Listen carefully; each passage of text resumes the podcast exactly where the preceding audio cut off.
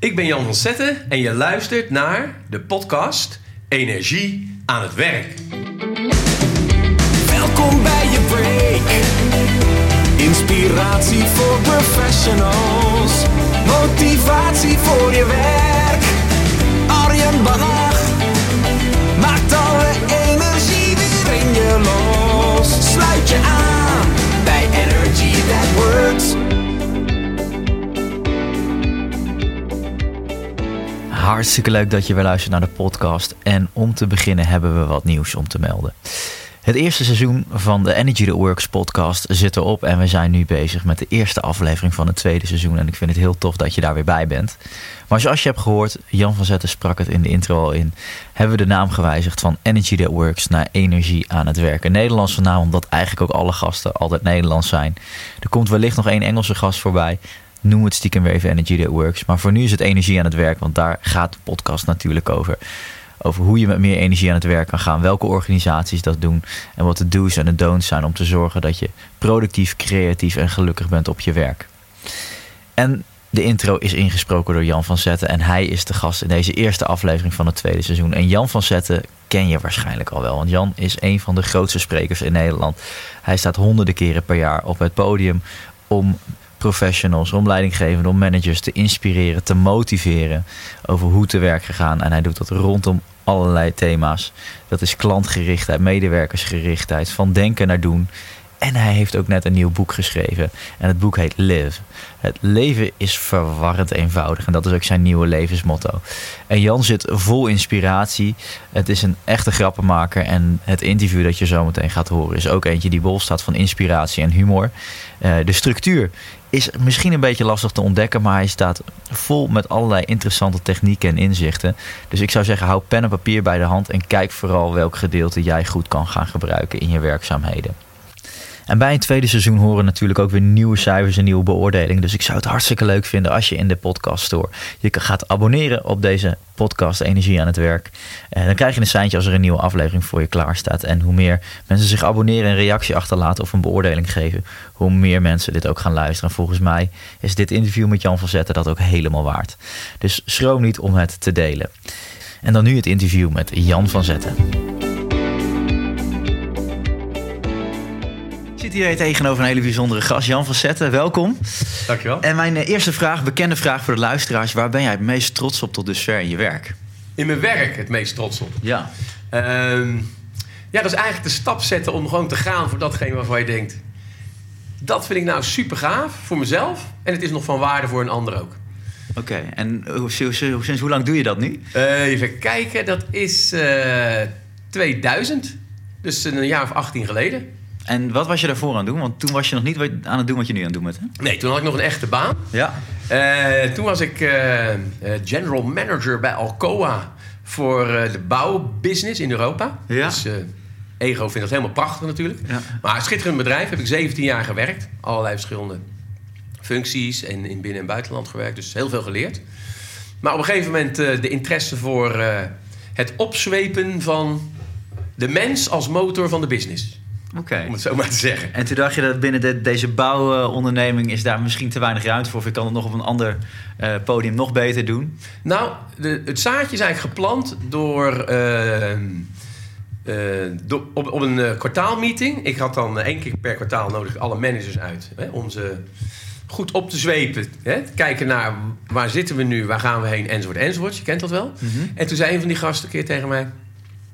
waarom ga je dit niet gewoon doen voor je werk, man? Je vindt het superleuk, de mensen vinden het superleuk. En toen dacht ik, ja, maar je kunt niet de hele dag doen wat je leuk vindt. Nee. Totdat je het gaat doen. Maar dat is een beperkende overtuiging toen Ja. al van dat, dat kan niet. Nee, je kan toch niet de hele dag doen wat je leuk vindt? Nee. Tuurlijk kan dat, maar dan moet je het wel gaan doen. Ja. Dus, dus op een gegeven moment eh, ja, moet je door een bepaalde barrière heen. Ja. Hè, het is een vorm van angst van ja, daar gaat het mis. Ik heb nu een mooie baan, je kent het allemaal wel. Ja. En eh, mijn vrouw zei toen, eh, nou oké jongen, wat kan er allemaal fout gaan? Kom op. Nou, kent het wel, worst case. Ja, dan moeten we de tent verkopen hier, het huis. Ja, wat nog meer? Ja, ja, ja, dus toen viel ik eigenlijk al stil. Dus eigenlijk, ja, zoveel eh, bijzonder was het allemaal niet. Precies. Maar dan moet je toch even die angst overwinnen en, eh, en ervoor gaan. Ja. Ja, en dan zie je dat angst natuurlijk een illusie is. Alleen, hij voelt wel echt. Totdat je een pakt en er doorheen gaat. En dan, eh, ja, joh, dan wordt het, loopt het positief uit de hand, zeg maar. Ja. Ja, fantastisch. Met een mooi resultaat. En wat, wat is het dan wat je destijds in, in het bouwbedrijf uh, voor, voor cultuur, een sfeer ontdekte... waarom jij dacht, hey, ik kan hier met mijn motivatie iets aan gaan doen, aan veranderen? Nou, kijk, weet je, de manier waarop mensen naar hun werk kijken... hoe ze in hun job zitten, dat is de hefboom in de richting hoe ze hem doen. Klinkt allemaal simpel, maar de kunst is dus om mensen te beïnvloeden in de beleving en de verhalen die ze hebben over zichzelf, over het werk, over klanten. Want als je die verhalen kan beïnvloeden uh, op een authentieke manier, hè, dus je hoeft niet iets op te dringen, maar je kunt een verhaal uh, uh, met elkaar bouwen waar mensen ook in geloven, dan vanuit dat verhaal komt er ook een bepaalde emotie en gedrag die in lijn is. Ja. Hè?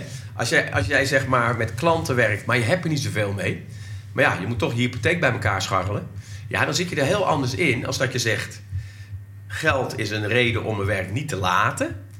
Maar de reden om dit werk te doen is dat ik het super leuk vind om met deze materie of met deze diensten uh, een ander uh, blij te maken. Want als ik dat zie, krijg ik daar zelf ook energie van. Ja, dat is natuurlijk een heel verschil. Nou. Uh, dus daar zie je het ook een beetje goed en misgaan bij bedrijven. Wie neem je nou aan? Wat is het filter wat je eigenlijk voor de deur houdt ja. van je bedrijf? waardoor je mensen binnenlaat. Nou, en heel veel is dat op uh, cognitie en ervaring gedaan.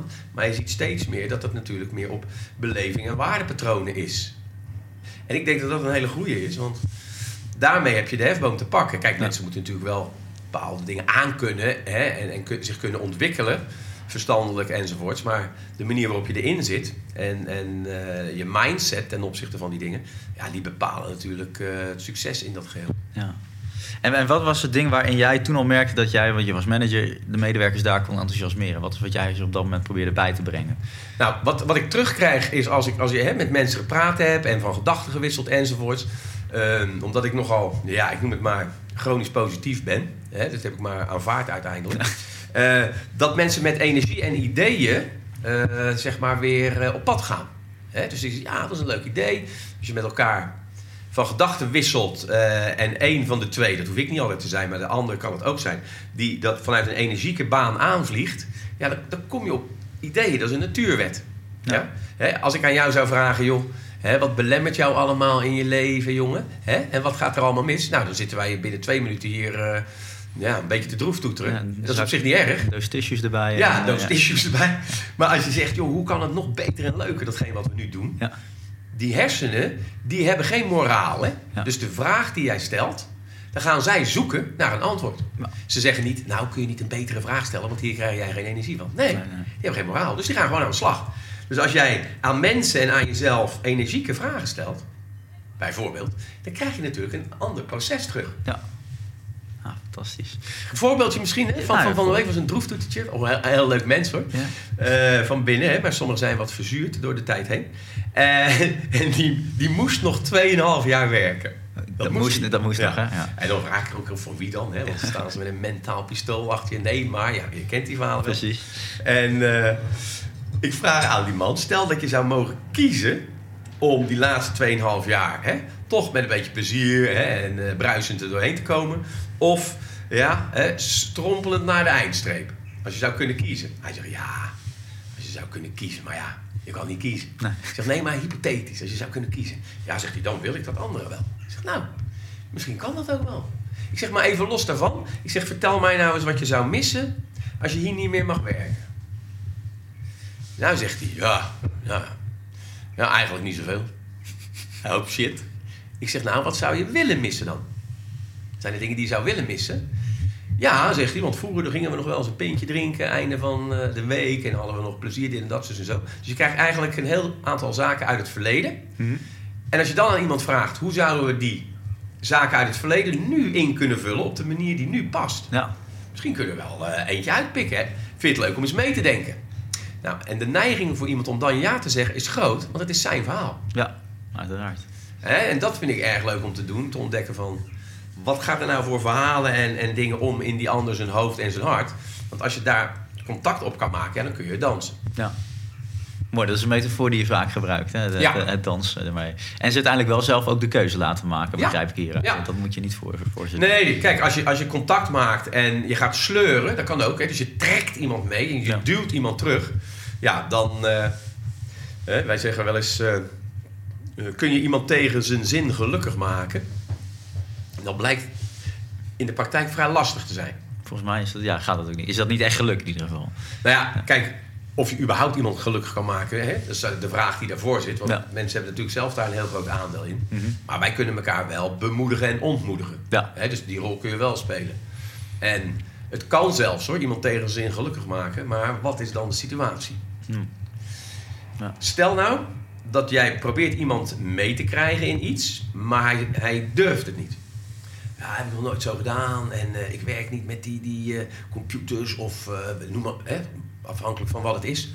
Als zeg maar een vorm van angst de weerstand is om ergens niet in te gaan, dan kan het zijn als je iemand uitlokt voor een experiment of joh, ga maar eens oefenen, kijk maar eens eerst eens wat het voor je is en dan zien we wel verder. Dat iemand in dat proces ontdekt, hé, hey, dat is eigenlijk zo gek nog niet. Ja. Kijk, dus dan is hij in eerste instantie in de weerstand. Dus je zou zeggen, ja, ik kan hem niet tegen zijn gelukkig maken. Maar als de aard van de weerstand bijvoorbeeld een, een, een vorm van angst is... en je helpt die overwinnen, dan kan het, dan kan het wel. Dus, Ja. dus soms moet je gewoon even kijken van wat is er nou echt aan de hand... en eh, wat zit er achter die weerstand. En dan kan het soms zelfs een heel ander beeld geven. ja, dan krijg je mensen ook vanzelf in beweging. Ja, Interessant. Hey, en eh, vervolgens, je, je bent, eh, als we dan even teruggaan naar het, eh, waar het voor jou allemaal begonnen is. Je bent op een gegeven moment in 2000 op het podium gaan staan, je bent gaan spreken.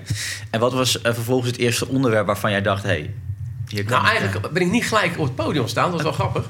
Ik ben wel naar klanten gegaan en workshops, trainingen en dat soort Ja. dingen gaan geven. Dus in, in kleinere groepen Mhm. over hoe maak je klanten zo blij dat ze steeds bij je terugkomen. En hoe manage je dat gedrag zodanig dat het gebeurt. Dus eigenlijk leiderschap, klantgerichtheid. Zijn Ja. eigenlijk twee sporen vanaf het begin, zeg maar, die eh, getrokken zijn. En in de periferie natuurlijk ontwikkelt zich dan van alles. Hè? De, de, de, de- hoe doe je dat op teamniveau? eh, nou, noem maar eens maar op. Ja. Ehm, alleen wat er gebeurt, en dat is, eh, tenminste in mijn geval vind ik dat ook wel erg leuk. Dan doe je dat en dan vraagt zo'n opdrachtgever: joh, maar kun je dit niet? Kun je niet voor het hele personeel eens een keer? Hè? Want we hebben dan een dag en dit en dat. Kun je niet voor het hele personeel eens een eh, inspirerend verhaal houden? Want eh, we kunnen wel wat eh, energie en, en denk in mogelijkheden saus gebruiken. Nou, ja, super, leuk. Ja. Nou, dan rol je van het een in het ander. Dan vragen ze dat op een ondernemersvereniging. Hè? Kun je dat is niet voor de. En dan gaat eigenlijk dat verhaal redelijk vanzelf. Nou, ik zeg tegenwoordig wel tegen ondernemers als die in het publiek zitten of eh, als het gaat over klanten blij maken. Je moet je marketing zo snel mogelijk uitbesteden. Nou, dan wacht ik even, dus dan kijken ze je aan en denken ze, je marketing uitbesteden. Ja, aan wie? Ja, aan wie? Aan jou zeker, zeggen ze dan. Ik zeg, nee, nee. Ik zeg, nee, je moet je marketing uitbesteden aan je klant. Aan je klant? Aan je klant, ja. Hoe doe je dat? Eigenlijk door ontzettend goed met je werk bezig te zijn. En die klanten merken dat. Ja, als je niet uitkijkt, gaan ze je aanbevelen. ja. Want zodra zij in hun omgeving horen of een vraag krijgen... joh, ik zoek iemand die, of ken je iemand die... dan gaat er een luikje open. En dan zegt ze, oh, joh, dan moet je die gozer eens eh, nemen of wat dan ook. Ja. Nou, dus op een gegeven moment loopt dat helemaal eh, positief uit de hand. Ja, mooie, mooie manier. En als je dan gaat kijken naar die eh, verschillende sporen van leiderschap, van, van klantgerichtheid, er is verandermanagement nog bijgekomen, de teambuilding. Eh, wat is dan die onderliggende waarde eigenlijk waar jij in gelooft? Wat- Ja, dat is... Kijk, dat is in feite hè, de, de mens als motor in de business. Die Ja. zit daar altijd. En die wordt in feite maar aangedreven door twee assen. Dus als je het verwarrend eenvoudig maakt... Hè, Ja. wordt hij aangedreven door twee assen. Ehm, als ik het even op zijn Rotterdam zeg, kort door de binnenbocht. Hij heeft eh, het verlangen om pijn te vermijden. Of de behoefte om pijn te vermijden. En het verlangen om plezier binnen te harken. Meer is er niet. Angst en liefde. Maar angst en liefde is niet concreet, dus dat moet je concretiseren. Ja. Dus als je erachter komt waar mensen zich zorgen om maken en waar hun wensen liggen, heb je de joysticks of life. Ja. En of dat dan een mens in de rol van een klant is, de mens in de rol van een medewerker, de mens in de rol van je baas, want die kun je ook managen hoor, als je wil, met een danstechniek. Of dat je dat zelf bent. Ja. Dat maakt eigenlijk niet zoveel uit. Dus die, die on- onderliggende laag van dat mens zijn, met die natuurwetten, ja, die zie je in die verschillende rollen. eh, naar boven komen, maar daardoorheen zie je constant die cilindertjes draaien. Ja. En daar- komen we nu een beetje op, op volgens mij je, je nieuwste boek, eh Liv. Het leven is verwarrend eenvoudig. En daar zit deze methodiek volgens mij helemaal in, of niet? Ja, daar, daar gaan we daar natuurlijk steeds dieper op in. Hè? Ja. Dus eh, eh, dan zoom je inderdaad in op die, eh, die mens. En of die dan privé of zakelijk aan het leven is, dat maakt voor de natuur niet uit. Nee. De, hè, ik zeg wel eens, de mentale natuurwetten en de gewone natuurwetten, die zijn er gewoon. Punt. Ja. Als iemand boos is en jij zegt tegen iemand, hé hey joh, jij mag niet boos zijn. Of je dat thuis zegt of, of tegen een klant of op de zaak, krijg je dezelfde type reactie. Ja. Ja, ik noem maar eens even wat. Ehm, dus bij het leven is verwarrend eenvoudig. Want dat is door de jaren heen mijn motto geworden. Eh, misschien goed om dat toch heel even kort bij stil te staan. Want sim, het is niet simpel. Nee. Ja? Dus het is geen goedkope eenvoud. Die bedoel ik er niet mee. Want Nee. regelmatig ben je gewoon als mensen in verwarring. En dat kan zo ver oplopen dat je in een burn-out zit of, of eh, de weg gewoon kwijt bent, zeg maar. Alleen wat blijkt in de praktijk is dat verwarring een voorportaal is. Dat is niet het einde. Dat is een voorportaal van nieuwe inzichten. Maar het voelt shit. dus je moet elkaar wel helpen. Ja. Hè, Iemand die geen beeld meer heeft, kun je kijken, joh, hoe kunnen we weer beelden ontdekken die bij jou passen.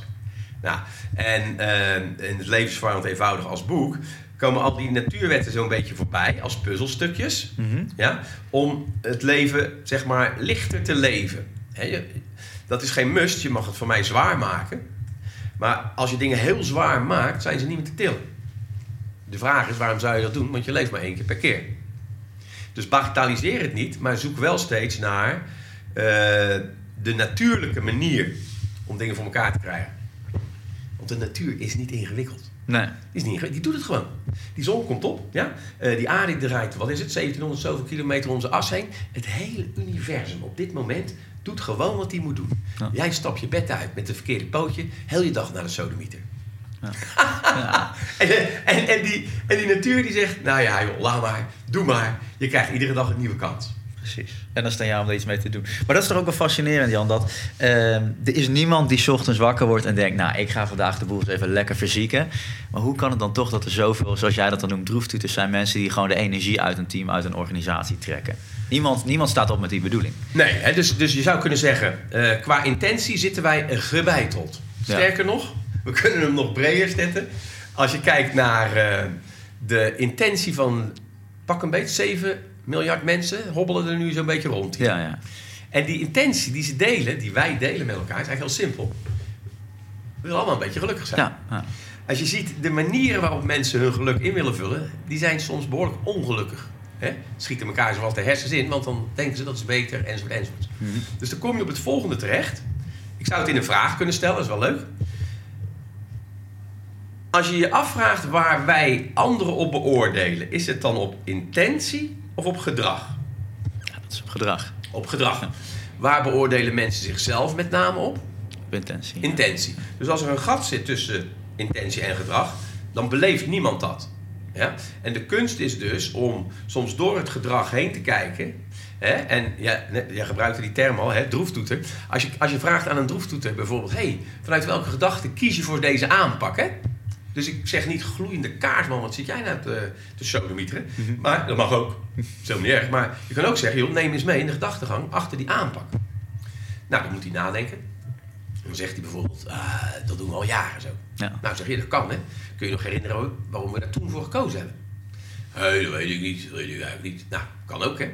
Eh, zou er een manier zijn die nog beter en leuker is? Ja, dat weet ik eigenlijk niet. Ik zeg, stel dat we er een kunnen vinden. Vind je het leuk om mee te denken en te doen? Ja, ja, dan wel. Nou, en, en dan geef je er een of door met elkaar te kletsen komt er een omhoog. Ja? Dus mensen zijn geen droeftoeters. Nee. Ze gedragen zich af en toe wel zo. Maar ze zijn veel meer. Dus het leuke is als jij zegt, joh, zijn er droeftoeters? Nee, die zijn er niet, maar ze gedragen zich wel zo. Dus wij verklaren ze ook. Vanwege hun gedrag, dat is een droeftoeter. En dat is een bruistabletje. En dat is... eh, ze hebben gekozen, zonder dat ze het in de gaten hebben, voor een bepaald voorkeursgedrag. Ja, Nou, en dat ligt natuurlijk niet aan hen. Hè? Dat ligt aan... Nou, je kent het allemaal wel. precies. Dus als je daar doorheen kijkt, ja, dan kun je ook wat makkelijker eh, dansen met die gasten. Ja, want zo eh, jouw motto is dan ook: zolang je ademt, is er, is er hoop, toch? Ja, ja, dat is een vrij basis, eh, positief mensbeeld. Hè? Ja, dus, ja. eh, neem het niet over, hè? Maar, maar zolang er leven in een mens zit, Ja, ja, dan, hè, dan is er natuurlijk hoop. Want dan kun je eh, kijken of je een gevoelige snaar kan raken, of het bewustzijn iets kan open hè, laten zetten. Hè? Want je moet het allemaal zelf doen, maar je kunt wel invloed pakken. Ja, zijn er mogelijkheden. En in, eh, in hoeverre is dat ook, want als je gaat kijken naar we moeten klantgerichter worden of we moeten meegaan in een verandering, eh, dat is altijd lastig om de mensen een beetje dezelfde kant op te krijgen. Ehm, daar ligt dan denk ik eh, een belangrijke rol voor leidinggevende management Ja. om dat te doen. Om te zorgen dat je van droeftoeters bruistabletjes gaat maken. Ja, kijk, of, of stel, stel, hè, eh, stel je hebt die, die ambitie, heb je misschien wel, maar je gaat niet te hard drukken. Hè? Dus voor mij hoeft iemand niet 180 graden te draaien in zijn zijn. Maar de eerste fase zou al zijn dat mensen van onbewust naar bewust gaan over wat we willen met de verandering. Dat ze het snappen. Nou, vaak slaan we die stap al over, want het management is al ge- eh, gecommit, want die zijn de op geweest, drie, vier dagen. Dus die eh, hebben dat allemaal besproken. Komen op de zaak, spreken af, jongens. Nemen jullie alle afdelingen even mee. Hè? Vanaf volgende week donderdag werken we volgens deze methode. Ja. Dat werkt natuurlijk niet. Nee. Mensen hebben een bepaald proces eh, wat ze doorgaan voordat ze ja zeggen tegen iets. Als wij dat proces niet, eh, zeg maar op, op een goede manier, die niveaus van betrokkenheid, niet op een goede manier benaderen, dan, en je slaat fases over, krijg je zelf weerstand. Ja, Ja? Dus heel extreem. Hè? Ik had een, eh, een, een voorbeeld afgelopen vrijdag. Er moest eh, het een en ander veranderd worden. En die man zegt, ja, dit gaat, gaat reuring geven. Dit, dit wordt... eh, Ik zeg, hoe ga je het aanpakken dan? Ja, zegt hij, ja, gewoon enthousiast, dit en dat, zus en zo. Hè? En, eh, ik zeg, nou, enthousiasme helpt op zich altijd. Ik zeg, alleen als je weet dat het reuring en weerstand geeft, dan kun je daar wat mee doen. Dan kun je zelfs beginnen door, en dan komt nu een natuurwetje dan aan, hè? ja, om mensen gelijk te geven in hun emotie. Want dat hebben ze. ja, Iedereen heeft altijd gelijk in zijn emotie. Het verhaal wat onder die emotie zit, dat ken ik niet. Het wil niet zeggen dat ze gelijk hebben in dat verhaal, maar die emotie hebben ze. Dus moet je je voorstellen, je staat voor de groep, grote verandering, en jij zegt tegen je mensen: Meiden, jongens, hè, afhankelijk van je eigen DNA. Wat ik nu ga vertellen, goede kans dat dat weerstand oproept bij je. Als dat nou gebeurt, laat komen. Niks mis mee, want het is echt anders wat we dadelijk gaan doen op het gebied van. Dus laat komen. Dus ik legaliseer van tevoren de gevoelens die mensen hebben. Dat is heel anders dan dat ik zeg. Laat me nou even, eerst even uitpraten. Ja, want het is echt belangrijk. We gaan die hele grote synergievoordelen uithalen. Bla bla bla. ja. Nou zegt de natuur. Nou joh, als jij sneller gaat dan de mensen kunnen volgen, dat is helemaal niet erg. Hup, weerstand. Ja, precies. En dat is voor mij dat stukje erkenning, waardering, wat heel veel medewerkers vandaag de dag misschien een beetje missen. Dat ze daadwerkelijk begrepen worden eh, in, in, in, die, in die verandermanagement wat, wat allemaal bezig is Ja. vandaag de dag. Ja. Eh, als je gaat kijken, want je ziet natuurlijk ontzettend veel organisaties van binnen. Je doet Ja. ook her en der wat advies. Ehm, hoe zie je dan, want we gaan steeds op een andere manier werken. Hoe kijk jij daar eigenlijk tegenaan? Want er is echt een verandering gaande. Ja, ik denk dat die, die, die trend eh, die heeft zich al een tijdje geleden ingezet. Hè? Als je dan met kreten als eh, zelfsturende teams en noem maar alles maar op. Als je kijkt naar de visie die eronder zit. Nou, let op, komt wel goed. Rotterdamse uitspraak. Ja. Ja. Pen en papier in de aanslag voor mensen thuis. Ja. People support what they help create. Ik weet niet welke Rotterdammer dat gezegd heeft, maar... Nee, Dus mensen ondersteunen wat ze meehelpen bouwen. Ja. Dus eh, zeg maar de invloed die je wil geven, het vertrouwen wil geven aan mensen in hun job, in het meebouwen aan veranderingen, daar zie je dat de wil er steeds meer is om dat te doen. ja. Voor die managers nog steeds lastig, want die ontlenen een deel van hun bestaansrecht. Denken ze aan het feit dat zij alles moeten weten, zij alles moeten kunnen vertellen. Zij, ja, maar die rol die verandert natuurlijk. Ja. Die verandert veel meer in eh, hoe krijg je mensen mee op een manier die bij hen zelf in de tent past. Hè? Ehm, hoe pak ik daar mijn rol in, afhankelijk van wat er gebeurt.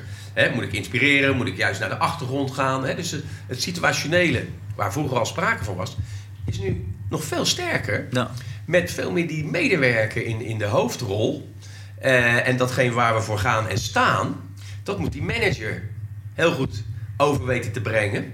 En eh, de mensen daarbinnen in hun, ik noem het wel eens in hun trip, hè, in, in hun job eh, maximaal eh, invloed laten pakken. Ja, dus je, je krijgt echt van, van, van een leidinggevende rol meer een ondersteunende rol, faciliterende rol. Ja, en ook leidinggevend in de zin van, hè, want da- daar slaan sommige mensen nog wel eens in door. Oh ja, we gaan dienend leiderschap en weet ik het allemaal. Kijk, er zijn momenten zelfs, en dat vraag ik gewoon wel eens hè, als we managers in de zaal zitten. Wanneer ben je nou prettig autoritair? Autoritair mag je bijna niet meer zeggen vandaag de dag. Nee, nee. Nou, voor mij wel. Alleen moet je even kijken wanneer je dat wil zijn. Of Ja. moet zijn misschien. Je Precies. zegt, ja, dat moet je zijn. Kijk, als jij met elkaar een aantal dingen hebt afgesproken... Hè, en je hebt een bepaald waardepatroon in je bedrijf zitten... en mensen gaan gewoon recht daartegen in... dan moet je wel je rug recht houden... en daar iets mee doen. Op een prettig confronterende manier. Eh, eh, ik noem wat, iemand doet de greep uit de kas. Ja, dat is gewoon not done. Ja. Dan kun je natuurlijk ook zeggen, joh, vanuit welke gedachtegang doe je dit? Heb je het moeilijk thuis? Weet ik veel. Nee, je moet wel op een gegeven moment laten zien wie hier bewaakt dat hetgeen waar we voor gaan en staan, dat dat geen vrijblijvende show is. Ja.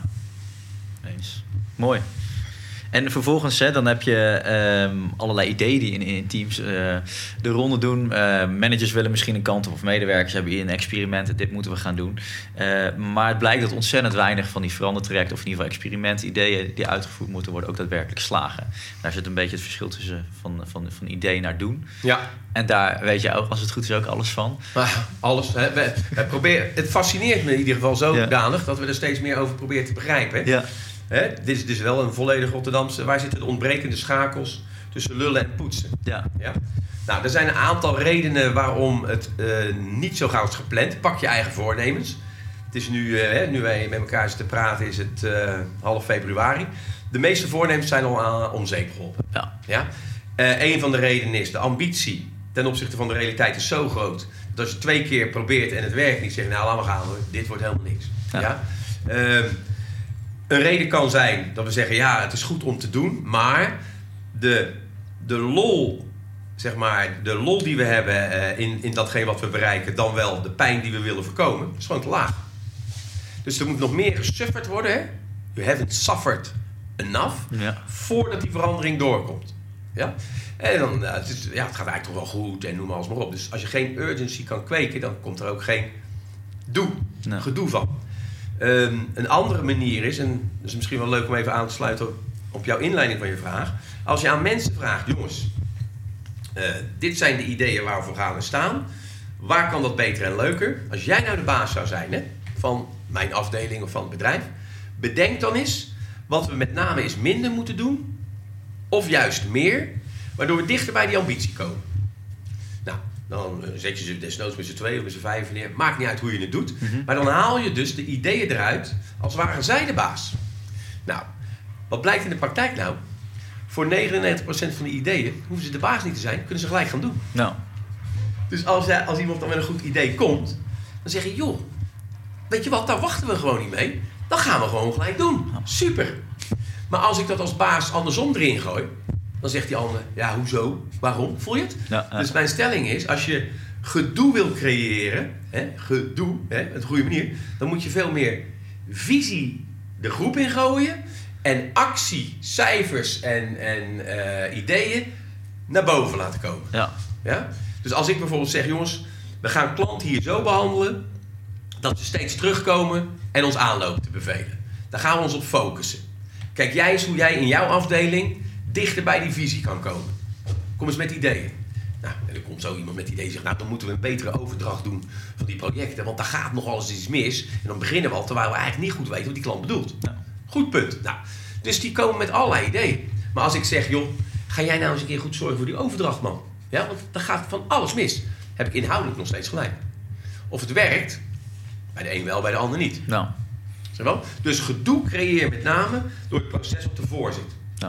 Nou. En dan die laatste schakel, die is vaak... Hebben mensen het zelfvertrouwen, CQ het vertrouwen in jou? Voelen ze van, als ik hier een manier ontdek die niet werkt, ga mijn kop er dan af? Of zeggen ze, jongen, ik vind het super dat je het onder, ondernomen hebt. Wat kunnen we ervan leren? En dan gaan we door.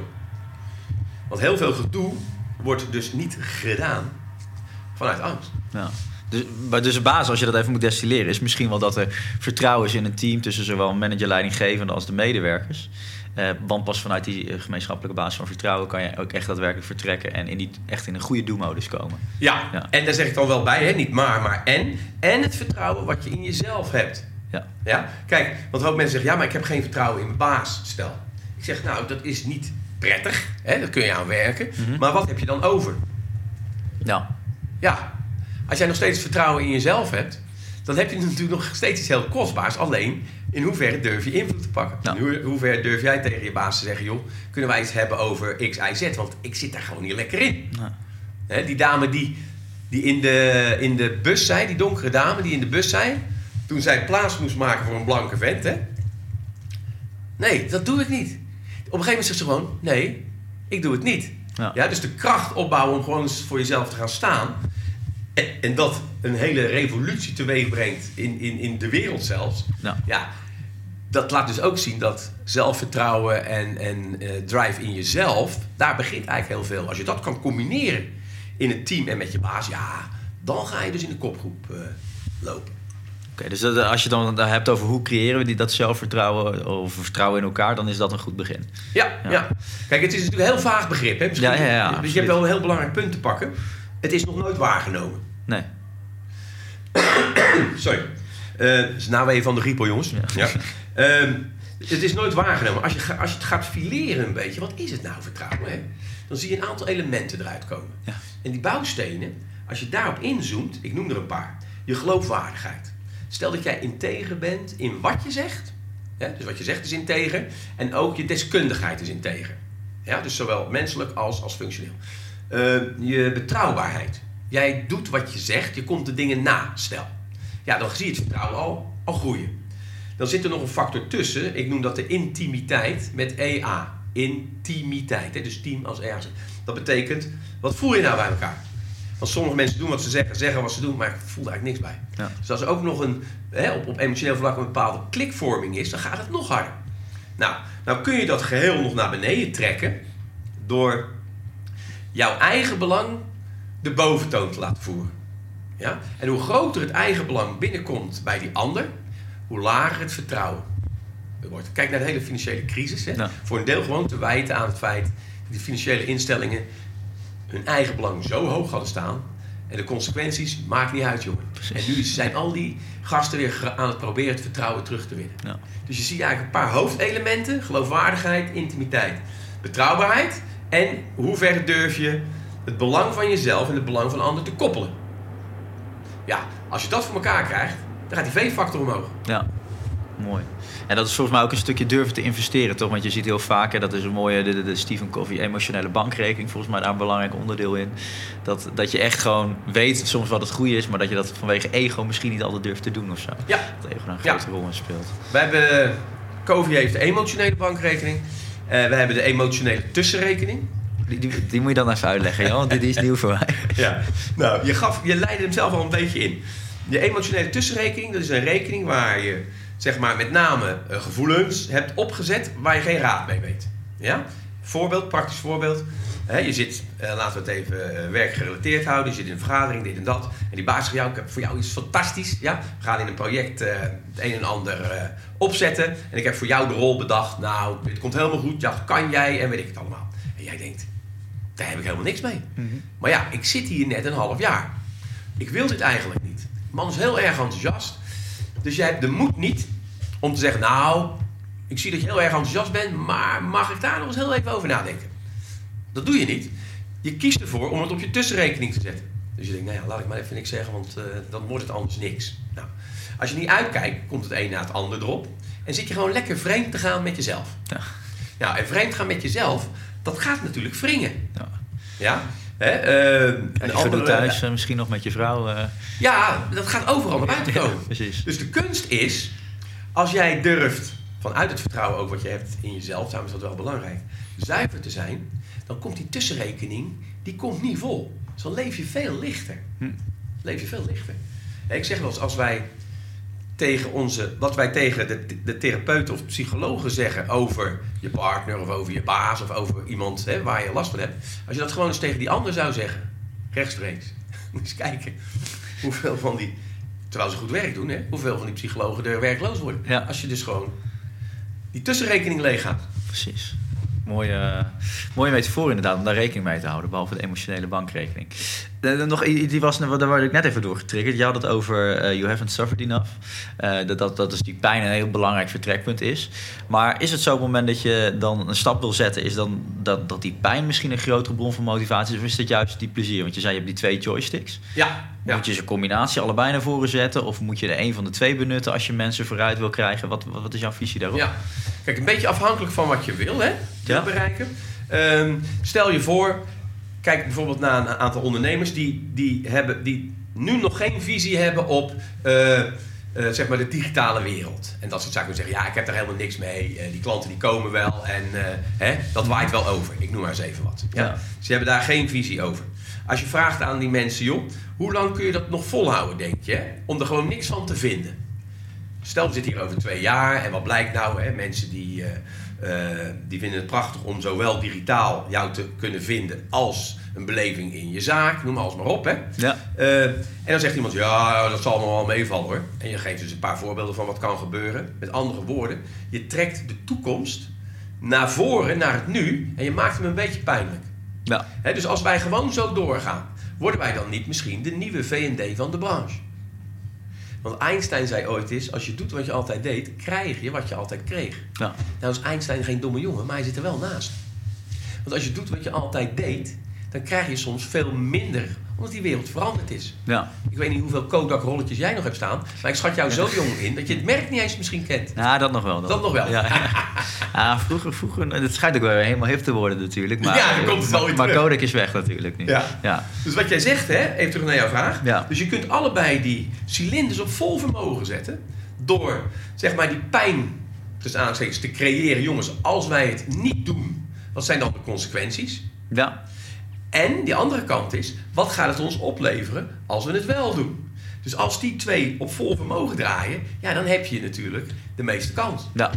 Dus je moet ze eigenlijk allebei een beetje mee gaan spelen en kijken ook waar, wat misschien het meest resoneert bij Ja. de mensen in je Ja, organisatie. ja, ja. Kijk, in een crisis zie je altijd dat mensen in beweging komen, want dan moeten ze de shit vermijden. Kijk naar organisaties zoals de brandweer, de politie. Hè?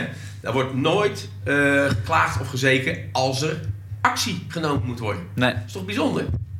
Ja, dat, ja, dat is die intrinsieke inderdaad, eh, drive die er, die er dan wel aanwezig is. Ja. Ja. Mooi. Hey, ik heb een aantal, eh, aantal, aantal cijfers die gaan de ronde rondom werk, om werk in Nederland. eh, en dat dat niet helemaal goed zou zijn. En ik ben eens benieuwd wat jouw visie is op hoe dat cijfer nou is ontstaan. Of jij misschien daar de vinger op de zere plek kan leggen. Eh, onderzoek van Gallup bijvoorbeeld. 80% van eh werk in Nederland is niet eh, mentaal betrokken bij de organisatie. Heb jij enig idee hoe dat zou kunnen? Nou, kijk, ehm, even, even vooraf daar een opmerking Ja. over. Als je vraagt, hè, als je die vragen leest en ziet, dan snap ik wel dat dat soort getallen eruit komen. Om, omdat het verhaal wat mensen hebben bij hoe, ze, hoe er met hun omgegaan wordt, hoeveel invloed ze hebben, dat verhaal is niet overal zo positief. Nee. Ehm, daarmee creëer je ook die emotie en komen die cijfers eruit. Als je gaat doorgronden wat mensen werkelijk bedoelen, want dat mis ik dan vaak nog wat in, in die cijfers, dan, eh, dan blijkt dat in de praktijk ze best veel kansen te hebben, te, te krijgen en, en kunnen ondernemen. Alleen ze hebben vanuit zichzelf niet de kracht, de drang en het vertrouwen om het te pakken. Ja. Ja? Met als gevolg, ja, ik word nergens bij betrokken hier. Ja. Ja? Dus ik vind er een groot deel in die cijfers zie je terug dat wij als bedrijven ook heel veel pamperen. Ja, Ja. Dus ik moet dat voorzichtig zeggen, want eh, anders dan, dan kun je hem verkeerd oppakken. Ik bedoel te zeggen, hè, wij moeten de medewerker naar de zin maken. We doen een medewerkerstevredenheidsonderzoek. En hoe gaat het? Hoe voel je? Dat is allemaal belangrijk. Ja. Maar hoe harder ik pamper, hoe minder ik jou eh, eh, invloed en verantwoording laat triggeren. Kijk, in de zorg, hè, nu wordt dat dan teruggedraaid. Mensen mochten niet eens de eigen kopje naar, naar de keuken brengen. Nee, Nee, nee. blijf maar zitten, meneer Jansen. Dat wordt zo opgehaald. Ja. Ik kan best nog zelf wat voor eten hoor, voor mezelf maken. Nee, nee, de catering komt dan, snap je? Ja. Dus je hebt helemaal plat gepamperd. En nu moet het teruggedraaid worden. Ja. Maar dat zie je natuurlijk ook best wel in een, in, in een werkende Ja. bedrijfsomgeving. Precies. Dus dat zou daarmee te maken hebben, dus dat, dat cijfers een beetje zo ontstaan. En eh geeft misschien niet een goed beeld, zeg jij dan eigenlijk. Nou, het, het, het vertekent iets. Dus je Ja, moet er natuurlijk wel een beetje doorheen kijken. Want eh, als het echt zo zou zijn, hè, eh, en ik geloof het in de emotie wel, maar ik geloof het niet in de echte praktijk die eronder zit. Maar mensen beleven het wel zo. Ja. Dus eh, als je dan kijkt van hey, wat zou je daaraan moeten doen, zit misschien in eerste instantie eh, voor, voor, voor met professionals een, een, een uitnodiging van joh, ga eens kijken waar je invloed zit, want je hebt altijd meer invloed dan dat je denkt. En voor leidinggevenden, dat stimuleer dat ook Ja, stimuleer dat, haal dat er Ja. gewoon uit. Ja. Haal dat er gewoon uit. Kijk, als er een medewerker tevredenheidsonderzoek gedaan is en dan zien ze die cijfers, ja, aantal worden vrolijk, aantal worden niet vrolijk. Ja. Als je kijkt wat er daarna mee gedaan wordt, hoeveel discussie er aangegaan wordt, op beide vlakken. Ja. Ik zie dat jullie heel blij zijn, jongens, met de manier waarop wij overbrengen dat en dat en dat. Ja. Neem eens mee, wat spreek je daar zo in aan? Want misschien kun je het wel uitbouwen. Ja. Nou, die vraag wordt al niet gesteld. Nee. Nou, en als, als er ergens blijkt dat mensen ontevreden zijn, de diepgang en doorgronding, die is zo laag dat soms wordt er helemaal niks mee gedaan. Ja. Jongens, we gaan eraan werken, want we vinden het vervelend. Ja. Ga gewoon dan in gesprek. Ga dan boven water trekken. Hé hey jongens, wat zouden we anders kunnen doen zodat jullie vertrouwen in die toko omhoog gaat? Mhm. Wat kun je daar zelf aan bijdragen? Nou, dan heb je, dan heb je wat mij betreft een iets kwalitatiever gesprek. ja. En dan zul je ook automatisch zien dat die betrokkenheid natuurlijk veel groter wordt. eh. En het kan zijn, en dat is ook niet erg, dat mensen ontdekken en zeggen: Ja, jongen, als je dit van me wil of als dit zo ervoor zit, dan vind ik mezelf hier niet passen. Mhm. Dat kan toch? Ja. Kijk, ik heb ook wel eens, hè, toen ik nog een echte baan had, tegen sommige mensen gezegd: Joh, weet je, jij bent gewoon een topper, maar niet hier. ja. Dat kan, hè? Mooi, ja, Want ieder mens heeft zijn talenten en zijn dingen, maar zit hij op de goede plek? Ja. Het is asociaal om mensen op een plek te laten zitten waar ze A, tegen hun zin zitten, niet tot bloei komen voor zichzelf, in de weg zitten en voor de organisatie. Ja. Dus eh, actie in de taxi. Precies. Ander cijfertje waar ik wel benieuwd Ja. naar ben, is dat eh 60% van eh werk in Nederland aangeeft dat hun leidinggevende niet goed luistert naar hun mening of hun ideeën. Ja. Zou, is, is, dat, is dat een cijfer waarvan je denkt, hey, dat zou kunnen kloppen? Waar ligt dat aan te Nou ja, kijk, eh, dat is het mooie met cijfers. Cijfers geven altijd in ieder geval eh, de mogelijkheid voor discussie. Ja, Hè? ja, ja. En dat is ook prima. Als je het ziet als een soort, soort barometer, trendlijn, dan geloof ik dat wel. Ja. Want, eh, zoals gezegd, wij gaan natuurlijk uit van onszelf. En je inleven in een ander is sowieso al lastig. Ja, Nou ben je ook nog eens de manager. Hè? Dus je hebt de macht en de invloed om te zeggen hoe het moet. Sommigen denken zelfs dat zij het moeten weten. ja, Ja? Dus het echt luisteren naar iemand, hè? actief luisteren en willen begrijpen wat, er, wat iemand zegt en waarom hij het zegt, joh, de tijd daarvoor nemen en, en, eh, en het nut daarvan. Ik geloof zeker dat, goed bedoeld, managers verleid worden om daar niet te veel tijd in te steken. ja. Kijk naar de HR-cycli in bedrijven. Dan moeten ze in, in januari, februari moeten ze een gesprek hebben met de mensen van hè, wat gaan we nu doen, dit en dat en zo. Vaak is het zelfs zo dat de doelstellingen van boven naar beneden gegooid worden, vertaald in kleinere brokken. Ja. Dus dit is voor jouw afdeling het verhaal. In plaats dat je zegt, joh, wil jij je ter voorbereiding eens even eh, druk maken over de vraag, wanneer ben ik nou succesvol in mijn job, voor mezelf? Want je zit hier ook voor jezelf Ja. voor het bedrijf, afhankelijk van de job voor je klant. Ja. Dus dan start je al met het zelfbeeld van die ander. Dan luister je al vanaf het begin. Dat is een heel andere aanpak. Sommige bedrijven doen dat ook. En dat werkt ook vrucht af. ja. Nou, en dat kun je natuurlijk doorzetten.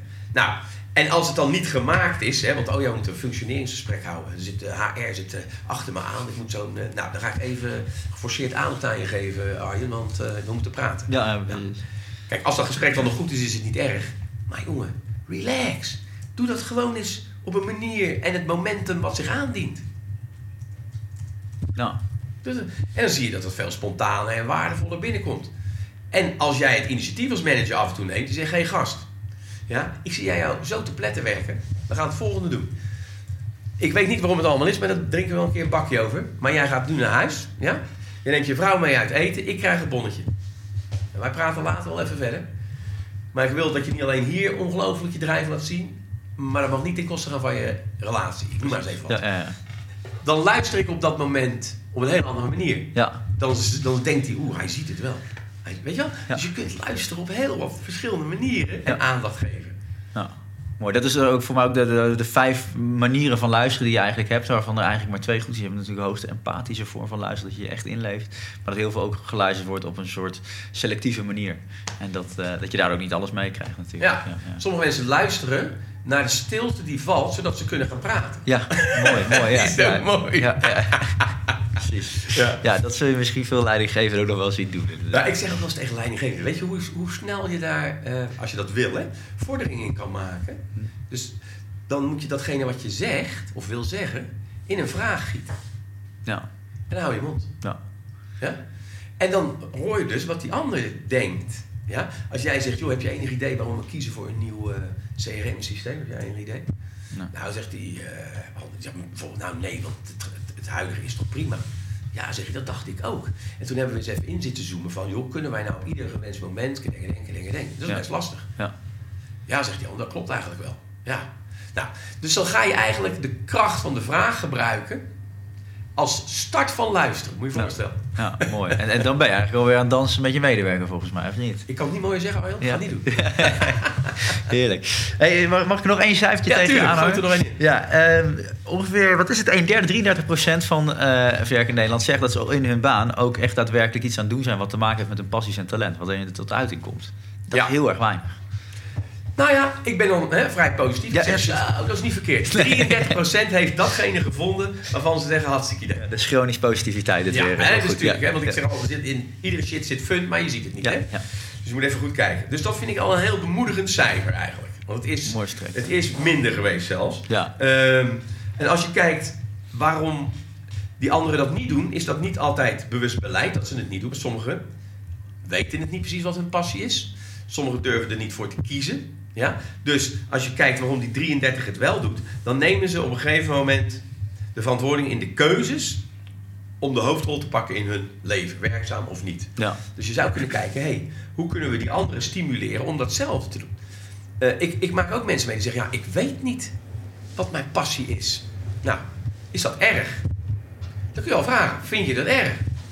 Als iemand zegt, nou nee, eigenlijk niet. Nou, so what? Ja. Of die zegt, ja, ik zou het wel willen weten. Stel die iemand zegt, ja, ik zou het wel willen weten. Ik zeg, nou, heb je een idee hoe je op ontdekkingsreis kan gaan? Nee, eigenlijk niet. Ik zeg, nou, weet je wat? Pak nou gewoon de eens, hè. En eh, intermediair of wat dan ook. En dan lees je gewoon eens met een open geest door al die advertenties heen. En daar waar jij een fractie geraakt bent van, hé, hey, wat leuk. Ja. Hé, oh, zou leuk zijn. Oh, doe je een kruisje. Dat zet je op een gegeven moment onder elkaar. En dan heb je vijf of tien. En dan moet je er gewoon eens over nadenken. Hé, hey, ja, dat vind ik eigenlijk wel leuk. Hoe komt dat eigenlijk? Als je niet uitkijkt, krijg je dus beeld bij wat jij leuk vindt. Maakt niet uit wat het is. Nou, Dus die, dat moet je zelf gunnen. Ja? mooi. Ja, en dan, en dan ga je gewoon eens doen. Kijk, ik ben begonnen in de accountancy. Nou, dat was niet echt eh, een succes. maar mijn, mijn behoefte destijds was... ik wil doorstuderen en onafhankelijk zijn. Ja. Ja? Dus werken en studeren. Nou, dat was toen een gigantisch eh, modieuze eh, invulling. Ja. Dus die behoefte die ik had, heb ik ingevuld met iets wat bij mij niet paste. Nou, als je dan door gaat zoeken, is er niks aan de hand. Op een gegeven moment kom je nog eens en denk je, hé, dat is leuk. Ja. Marketing, sales, weet je wel. Ja, en zo rolt dat. Dus als je die 33% eh, of die 66% die het nog niet gevonden heeft, daarin weet te stimuleren. Ja, prima toch? Ja, precies. En wederom eh, een belangrijke taak volgens mij voor leidinggevenden om dat ook wel weer los te krijgen in de mensen die, eh, Ja, die ja. met wie je werkt. Ja. Ja. Mooi. Eh, tot slot, Jan, want ik, ik heb zo meteen nog een aantal korte vragen over jou. Hoe jij zo'n enorm bruistablet blad bent en wordt. En hoe je er elke dag mee, mee bezig bent. Nog even heel kort over, over, over je, de, je nieuwste boek, Liv. Ehm, eh, kort even het recept, de receptuur van die boek. Want we hebben het al gehad over de natuurwetten. Maar wat zijn nou de stapjes die je eigenlijk doorloopt als je je bezig gaat houden met dat boek? Waar helpt het je toe? Ja, ja, ja. Ehm, eerst een stukje bewustzijn. Ja. Dus het bewustzijn wat getriggerd wordt in het feit dat... eh, hoe gaaf is het niet dat je er bent? Klinkt vrij zweverig, maar de kans dat je geboren wordt is zo klein, is bijna nihil... Ja. dat je, als je dat beseft, denkt... zo, nou ben ik er toch, laat ik er maar wat van maken. Je hebt al een enorme wedstrijd gewonnen Ja, zwemmen. het is en, eh, gigantisch. Ja, ja. Het is echt gigantisch. Dus dat zou al reden genoeg kunnen zijn. Nou, dat is het natuurlijk niet. Hè, want je wordt door de dagelijkse beslommeringen gegrepen. Dan word je nog geconfronteerd met een paar cijfers. Hè, om ook maar cijfers ja, te noemen. En uit cijfers blijkt dat wij, als ik het omreken in jaren... Ja, eh, tussen de, de 15 en de 20 jaar ons zorgen lopen te maken. En dan bedoel ik dus niet constructief zorgen in hoe kan ik het beter en leuker, maar Nee. piekeren. Ja. Dus je, je eigen invloed ontkennen. Dat is natuurlijk gigantisch veel. Ja.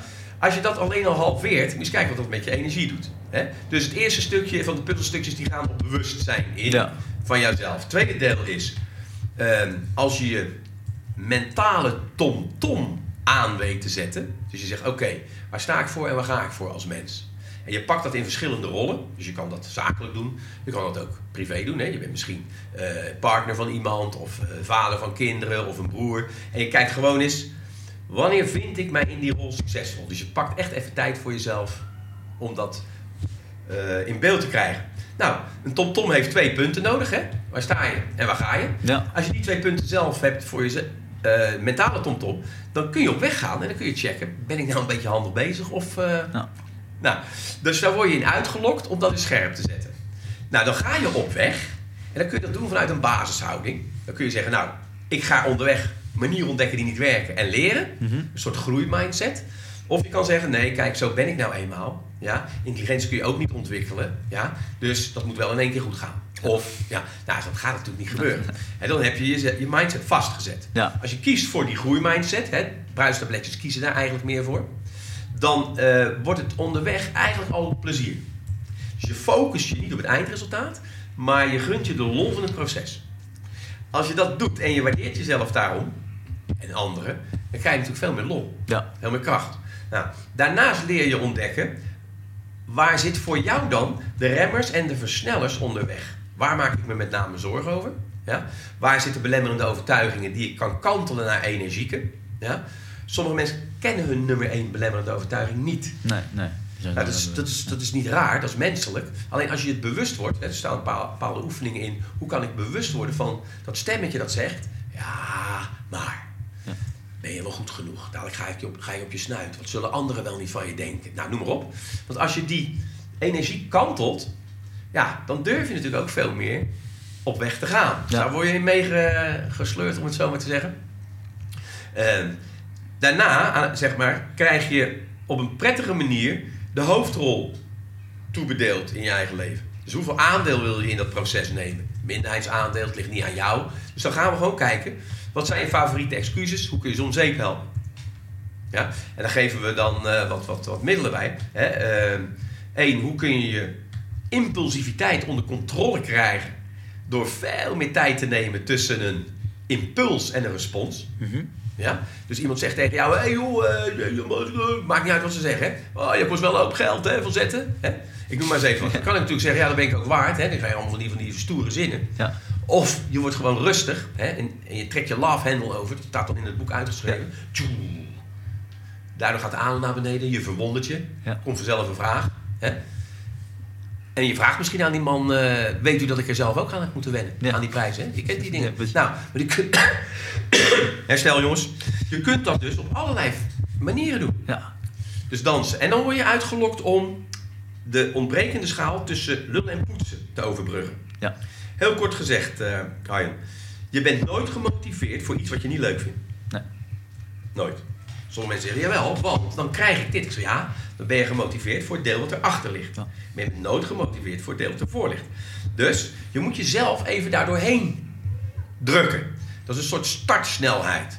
Als je kijkt in de chemie of natuurkunde, dan zie je vaak dat de energie die nodig is om een proces op gang te brengen, is hoger dan de energie die nodig is om, om op gang te blijven. De raket. eh, Ja, precies, zo'n launch. Ja, ja. Dus wat je moet doen, is je moet jezelf af en toe launchen. ja. Ja? En wij noemen dat dan een turbo switch. Hè? Dan zeg ik, nou, dan moet je even, zodra je denkt, oh ja, maar ja, ik heb eigenlijk niet zo'n zin, want hup, 5, 4, 3, 2, 1. Dan ga je dus van het emotionele gedeelte van de hersenen naar de voorkant. Ja. Dus dan trek je jezelf eigenlijk uit die emotie en je neemt die actie. Ja, als je dat doet, dan krijg je steeds meer in beeld dat jij dus in staat bent die fase te overwinnen waar je zelf een push nodig hebt. Want daar zit het grootste gedeelte van die ontbrekende schakel. Mhm. Tussen lullen en poetsen. Die is gebaseerd op angst of gebrek aan commitment. Ja, mooi. En is het, ook, is het ook zo dat daar een stukje gewenning in zit? Want volgens mij zijn heel veel mensen die in die emotie blijven hangen. Ja, En daarom ook nooit een stap verder Exact. zetten. Terwijl de mensen die juist die gaan concentreren. die lullen zich emotioneel gewoon uit de actie. Ja, precies. Ja. Mooie zin, ja. ja. hoe kun je dat? Wauw, eh, dus, dus ja, en, en zijn er dan redenen om het boek niet te lezen? Zou ik er bijna ja, ja, ja, zeker. Kijk, eh, sterker nog, er zit een bijsluiter in. En Oh. in die bijsluiter staat een waarschuwing. Oké, Het boek gaat je leven niet veranderen, dat ga je zelf doen. Maar er zijn natuurlijk zat mensen die denken... Ja, ho, ho, het ligt niet aan mij, zo ben ik nou eenmaal. Ja. Die moeten dat boek niet lezen, die moeten het weggeven. Precies. Je moet wel kopen. Ja. Maar ze moeten niet gaan lezen. Nee, nee, nee. Als, je, als je denkt van ik moet iets gaan doen eh, en het boek gaat niet voor mij werken, dan, eh, dan moet je Nee, nee, moet je niet doen. Oké, top. Nou, ik zal eh, ook een linkje bijzetten in, bij, de, bij de podcast, bij de show notes. Tot slot nog een aantal vragen aan jou, Jan. Of als jou als persoon, hè, hoe je dat bruistablet wordt. Vijf one-minute questions noem ik ze. En de eerste vraag, wie is dan tot dusver jouw grootste inspiratiebron geweest? Ja, dat eh eigenlijk mijn moeder. Oké, en, en waarom dan? Mijn moeder, die, die verstond de kunst, dat is me eigenlijk achteraf echt bewust geworden. Die oordeelde niet. Daar kon je altijd mee praten. Die vroeg gewoon dingen. Oh, en hoe vind je dat? Je dat? En weet je wel? Ja. Dus die, die kreeg het voor elkaar om, eh, niet alleen mij, maar ook mijn zussen, dingen te laten ondernemen. Gewoon te zijn wie je bent. Dat klinkt als een open deur, maar ga maar naar binnen. Ja, En dat, dat- achteraf heeft me dat ongelooflijk veel eh, fun en, en eh, vertrouwen opgeleverd. Mijn vader niet te nagekomen hoor. Maar mijn moeder die was daar, nou, die was, daar was, dat was gewoon een natuurtalentje. ja. Oh, en hoe doe je dat dan? Niet oordelen? Want volgens mij is dat ontzettend belangrijk, maar ook ontzettend je houdt moeilijk. het geen 24 uur vol. Nee, nee, nee, proberen maar eens, ja. ja. Maar het leuke is wel, als jij bewust bent dat een anders intentie op zich een mooie is, maar het gedrag is een drama, dan, dan wordt het al luchtiger voor je. Dan wordt het al makkelijker. Dus je kunt heel veel bij jezelf zoeken en vinden om eh, eh, een ander te beïnvloeden. Ja, mooi. En, en wat is, als jij nog één ding zou moeten kiezen, wat zou je nog willen leren? Wat zou ik nog willen leren? Ehm, nou, wat ik zou willen leren, ik zou dat wat ik zelf loop te schrijven natuurlijk, hè, daar zou ik een virtuoos in willen worden. dat zou bijna zijn, eh dan moet ik even opletten dat ik dat goed verwoord, een soort business boeddhist. Mooi, business boeddhist, ja. Ja, ja. Hè, dus dat is, dat is leven en werken gecombineerd. Maar ja, jongen, dan zit je gewoon in je flow, relaxed. Niet passief, maar jij hebt gewoon een full leadership over het systeem wat in je schoenen staat of op je stoel zit. Zodanig dat je er zelf lol in hebt. En wat ik ook wel heel leuk vind is, dat het ook van waarde is voor een ander. Ja. Want dan krijg je die wisselwerking. Ja, en dan, eh, hè, dus het is zo egocentrisch als de neten. Ja. Maar het is ook van waarde voor een Ja, ander. maar als iedereen dat zou doen, zou de wereld natuurlijk een stukje leuker ja, zijn. dat wordt Ja. big fun. Ja, oké. eh, welk boek moet iedereen gelezen hebben, is dan de volgende vraag. Maar misschien in dit geval een oortjes. In ieder geval Liv. Ja, En- kijk, en- het is natuurlijk dan makkelijk om te zeggen van... Ja. ja, nee, welk boek moet je gelezen hebben? Welk boek heeft jou heel erg geholpen Ja, in ja, je... dat zijn er best wel veel hoor. Jeetje. Als ik er nu zo, eh, zo een uitlicht, dan zou ik zeggen... Echt de verwarrende eenvoud, hè? Dus nog verwarrender dan... Dat is het boek van Byron Katie. Mhm. En Byron Katie is een dame. En die heeft een boek geschreven dat heet... Vier vragen die je leven veranderen. Nou, dat is zo eenvoudig. Je had het net over, over oordelen en, en, en overtuigingen. Die kun je heel makkelijk op het hakblok leggen. Ja, Ja? En zij heeft daar... Ze, ze noemt het zelf geen methodiek of een filosofie. Het is gewoon een vorm van. Maar eh, ik heb dat boek gelezen en dat heeft mij gigantisch bewust gemaakt... van de invloed die ik zelf heb op het creëren van mijn werkelijkheid. nou, Ja, sommige mensen zeggen, ja nee, dat ligt niet aan mij. Die laten dus hun werkelijkheid door een ander creëren. nou. Ja, dat, dat is natuurlijk niet aan de orde. Zij weet dat zo mooi en simpel te verwoorden. Tof. Dat raakte mij. Dat is, dat is ook altijd bijgebleven. Ik heb haar ontmoet. Ik heb haar een hand gegeven in Donner. In, eh, nou, ik denk dat het inmiddels... Nou, ik denk wel 15 jaar geleden is. eh, in de boekhandel in Rotterdam. Ik, en dat mens, jongen. De uitstraling. De, de, de authenticiteit. Ik denk, wow. Zo. Zo wil ik eh, leven op mijn manier. Weet je. Precies, tof. Mooi dat je daar ook als inspiratiebron kan zien. Ehm, even kijken. Stel je voor, Jan, ik heb één vrije dag. Verder helemaal niks gepland. Wat zou ik volgens jou met één vrije dag moeten doen? Ja, bel als een speer degene waar je het meest van houdt. Ja. En ga daar ongelooflijk veel plezier mee maken. Daarna zet je, want jij hebt een podcast, hè, dus een, een ding. eh dan zet je of op een billboard of een podcast een wens die je iedereen gunt. Aan het einde van die dag. Mooi. Dus mochten zij ook een keer een vrije dag hebben en zeggen, nou jongen, doe dit op jouw manier. Ja. Want dan krijg je een, ik noem dat dan een enige dag. Ja. En als je veel enige dagen hebt, een mooi leven. Ah, schitterend. En dan tot slot, eh, de allerbelangrijkste sleutel voor een energiek en gelukkig eh, sfeer op het werk en in privé. Hoe zou je dat zien? De allerbelangrijkste. Ja, kijk, die zit op je stoel natuurlijk. Hè? Dus als jij beseft dat, dat, dat jij degene bent die dat, eh, die dat is, Ja. dan zou ik eraan koppelen, pragmatisch. Let op de keuzes die je maakt. De keuzes wat je denkt, de keuzes wat je doet. Want in het talent van het maken van keuzes ligt het vervolg van prettige of onprettige consequenties. Dus als ik ervoor kies, als iemand me afsnijdt om een dag te laten verzieken, of ik denk, zo, die gast die moet naar een vergadering, of die heeft haast, hè? dat lukt natuurlijk niet iedere dag. Let op dat wat jij kiest, daar krijg je het gevoel en het gedrag en het resultaat bij. Nou, Maar ik ben geen moralist, hè? dus als iemand zegt, ik steek liever twee middelvingers op als iemand mij afsnijdt, ik zeg gewoon doen, jongen. Ja. mooi, mooi, mooi. Super, ik eh, vind het een mooi einde van het interview, Jan. Mag ik je hartstikke bedanken? Ja, heel graag gedaan, jongen. Ik vond het erg leuk. Sluit je aan bij Energy That Works.